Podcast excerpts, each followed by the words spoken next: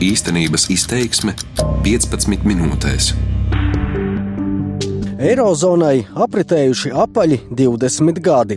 Kopš dibināšanas tā izaugusi līdz 19 dalību valstīm, kurās dzīvo 340 miljoni cilvēku, un eiro kļuvusi par pasaules otro nozīmīgāko valūtu aiz ASV dolāra.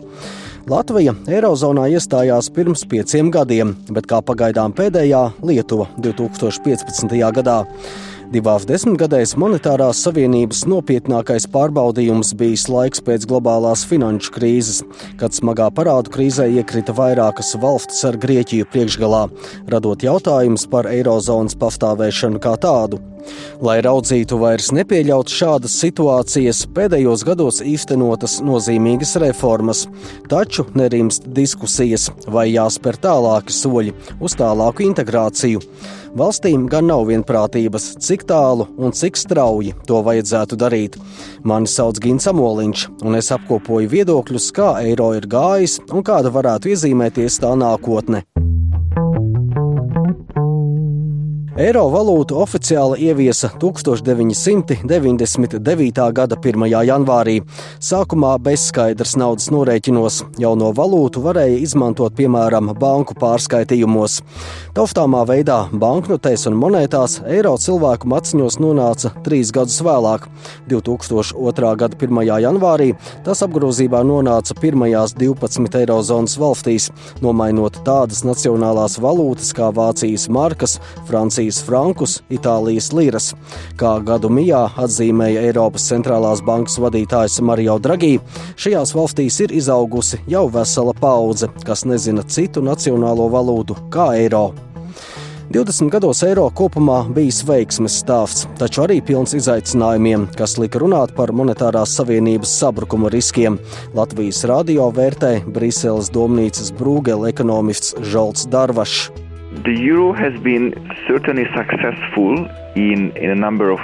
Eiro vairākos veidos ir bijis sekmīgs. Diezgan svarīgi ir, ka tas deva cenu stabilitāti Eirozonā kopumā. Eiropas centrālā banka spēja nodrošināt inflāciju tuvu 2% līmenim līdz aptuveni globālās krīzes laikam 2008. gadā. Tas arī likvidēja transakciju izmaksas starp Eirozonas valstīm, padarot dzīvi vienkāršāku cilvēkiem un uzņēmumiem. Eiro arī pārdzīvoja ļoti lielu globālo un Eiropas finanšu krīzi. No otras puses, par pēdējiem 20 gadiem ir arī mazāk pozitīvu ziņu. Laika periodā pirms globālās krīzes eiro sekmēja nekustamo īpašumu un kredītu burbuļus vairākās dalībvalstīs, īpaši Spānijā un Īrijā. Tas noveda pie ievērojamas krīzes.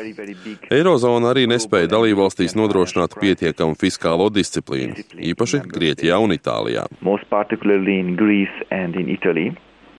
Eirozonas glābšanas mehānismi vairumā gadījumu bija paredzēti mazākām valstīm, un Darvaša ieskatā tādu, kas spētu palīdzēt lielākiem ekonomikas smagsvariem kā Itālijai, nebūtu bijis iespējams radīt. 2008. gada globālais kritums un sekojošā eirozonas parādu krīze iezīmēja robežšķirtni, kas spieda spērt būtiskus reformu soļus, lai nostiprinātu monetāro savienību, mazinātu nākotnes riskus un labāk tiktu galā ar turpmākām iespējamām krīzēm. Tā izveidota kaut vēl nelīdz galam pabeigta banku savienība, bloka līmeņa banku uzraudzības sistēma, arī Eiropas stabilitātes mehānisms, palīdzības fonds Eirozonas valstīm turpina Eiropas komisijas viceprezidents Valdis Dombrovskis. Daudz kas jau ir e, izdarīts, lai nostiprinātu Eirozonas noturību pret nu, iespējamām nākamām krīzēm, bet nu, ir vēl vairāki pasākumi, kas būtu jāpabeidz. E, pirmais tātad saistās ar e, banku savienību, kur nu, būtu jāpabeidz banku savienības izveide, kur varbūt būtiskākais elements par ko vēl notiek diskusijas, ir Eiropas noguldījuma garantijas schēma. Un ir jāveido Eirozonas fiskālie instrumenti. Šajā kontekstā Eiropas komisija sagatavojas jau divus priekšlikumus par reformu atbalsta programmu. Tātad, lai veicinātu struktūrālās reformas, lai veicinātu ekonomikas noturību Eirozonā kopumā un Eirozonas valstīs un Eiropas investīciju stabilizācijas e, funkciju, kas ir nu, tāds kā makroekonomiskās stabilizācijas instruments, kas ekonomisku satricinājumu gadījumā palīdzētu valstīm noturēt e, publisko investīciju līmeni.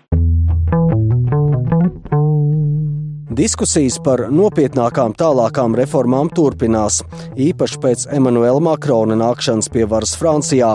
Viņš izvirzīja ambiciozu reformu plānu par apjomīga eirozonas budžeta izveidi, ar kura naudu varētu palīdzēt krīzē nonākušām ekonomikām, arī kopēju finanšu ministru. Galu galā pēc garām sarunām Eirogrupa decembrī vienojās par krietni šķidrākām reformām. Eirozonas finanšu ministra nebūs. Būs nevis budžets, bet finanšu instruments, apjomā krietni mazāks nekā vēlējās Makrons, un tas būs paredzēts līdzīgiem mērķiem kā Eiropas Savienības budžets, piemēram, konkurētspējas attīstībai. Cik tālu un cik strauji jāiet tālākās eirozonas reformās, par to valstīm nav vienprātības. Domnīcas Brūgela ekonomists Darvašs neprognozē neko izšķirošu tuvākajā laikā.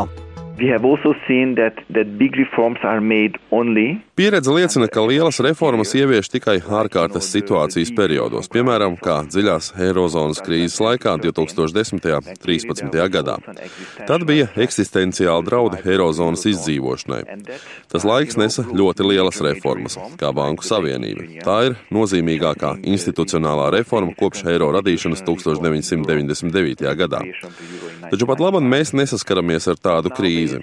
Eiro pastāvēšanai nav eksistenciālu draudu. Arī iekšpolitikai ir liela nozīme, kad runa ir par valstu valdību spēju vienoties. Līdz ar to mums priekšā ir periods, kad būs iespējams vienoties tikai par salīdzinoši mazām reformām. Arī tas, par ko nesen vienojās Eirogrupa, ir nelielas reformas. Dažas no tām var būt noderīgas, taču tās pavisam noteikti nemaina spēles noteikumus. Darvašs norāda, ka reformas ir iespējamas, bet uzskata, ja arī tuvākajos gados nekādi nozīmīgi soļi netiks spērti, tam nebūs negatīvas ietekmes uz eirozonu, un tā spētu tikt galā ar nākamo krīzi. Citādi domā ekonomists Jānis Ošlējs. Viņš brīdina, ka bez nopietnām reformām un pieejas maiņas eirozonas nākotne var izrādīties visai drūma. Manuprāt, vienīgais veids, kā eirozona var vispār nu, pastāvēt un neizjukt, ir atbalstīt Makrona idejas par to, ka nauda tiek paņemta no bagātajām valstīm un tiešā veidā pārdalīta krīzes esošajās valstīs. Ja tas netiks izdarīts, agrāk vai vēlāk Eirozona izjūgs. Tādēļ, ka nevar pastāvēt valūtas savienība, kurā tik ilgstoši nesekmīgas ir pietiekami lielas, nozīmīgas valstis. Itālijā nekad nav bijis tik nesekmīgi kā šobrīd. Un ne Itālijai, ne Grieķijai, ne daudzām citām dienvidu valstīm pat Francijai, zināmā mērā, nav tāda nu, skaidra risinājuma, kā izkļūt no ekonomiskajām problēmām, kā nodrošināt izaugsmi. Un nevar teikt, ka šīs valstis vienmēr būtu bijušas tādas, ir bijuši laiki, kad viņas bija ļoti sekmīgas, viņas ļoti strauji auga. Tātad kaut kas ir slikti tajā politikā, un es domāju, ka, mm. ka Makronam ir taisnība. Bet vai to varēs izdarīt? Tas, tas jautājums. ir politisks lēmums un taisnīguma mm. princips kaut kur arī nu, no Ziemeļvalstu skatu punkta varbūt jūs pašiem jātiek galā, nevis ka jums, mēs jums vienkārši maksājam. Tas nozīmē, ka taisnīguma princips ir sarežģītāks. Dienvidu valsts mm -hmm. savukārt saka, ka mm, tas, kas ir noticis šobrīd ar viņām, arī ir netaisnīgi. Tāpēc, kad, eh, piemēram, Grieķijai nu, Komercbankas aizdeva naudu ar paaugstinātiem procentiem, tātad viņas labi pelnīja, pelnīja vairāk nekā aizdodot citur. Un eh, nokļūstot krīzē, Varbūt būtu bijis saprātīgi, ka daļa no parāda nu, tiktu norakstīta, tik liela daļa, lai šī valsts varētu sekmīgi attīstīties un augt tālāk. Bet nu, nebija taisnīgi tas, ka nu, faktiski nu, šos te kā, valsts parādus Komercbankām aizvietoja ar valsts parādiem Eiropas centrālajai bankai. Vācu un Franču banka saņēma savu naudu, bet vai tas bija taisnīgi? Nu, tas arī ir liels jautājums. Ir. Mm -hmm. Un es arī domāju, ka ekonomika nav Mm, tā kā morāls lieta, morāls lietas mēs Ziemassvētku laikā ejam baznīcā pārdomāt.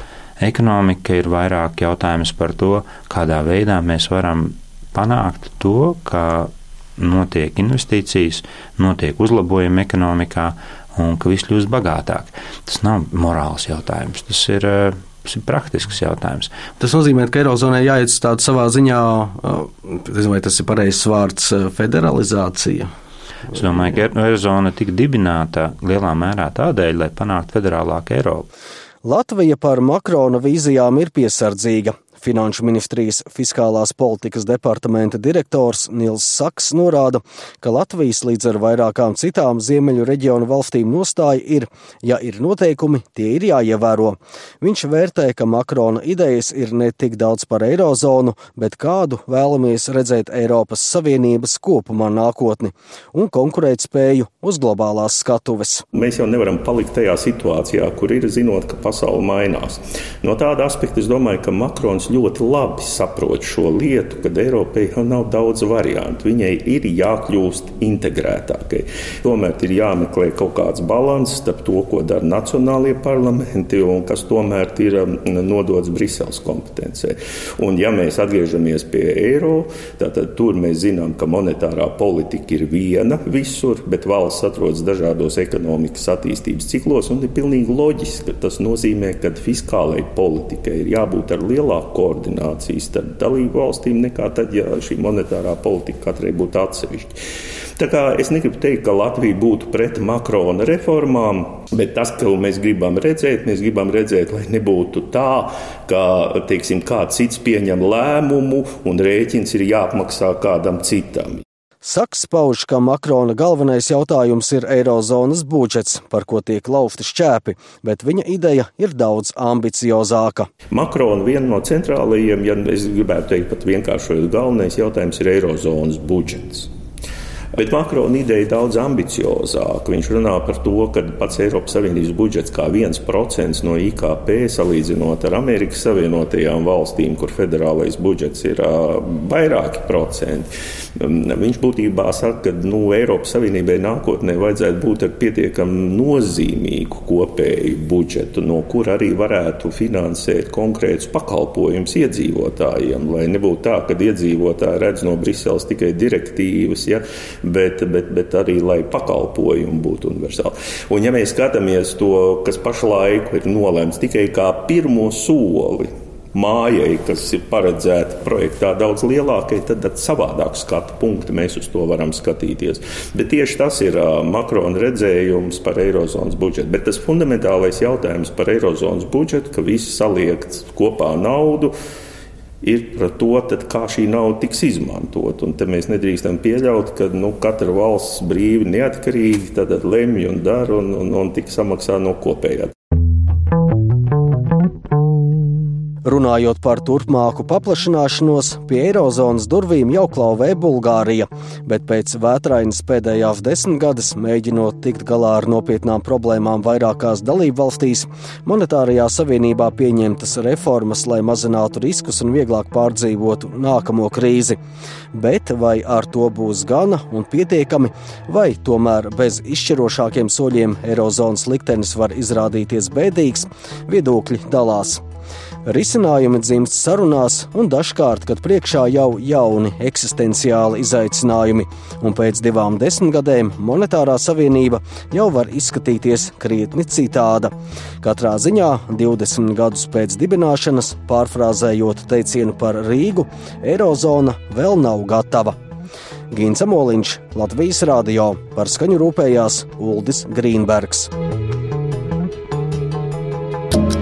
Darbības vārds īstenības izteiksmē. Izsaka darbību kā realitāti - tagadnē, pagātnē vai nākotnē, vai arī to noliedz.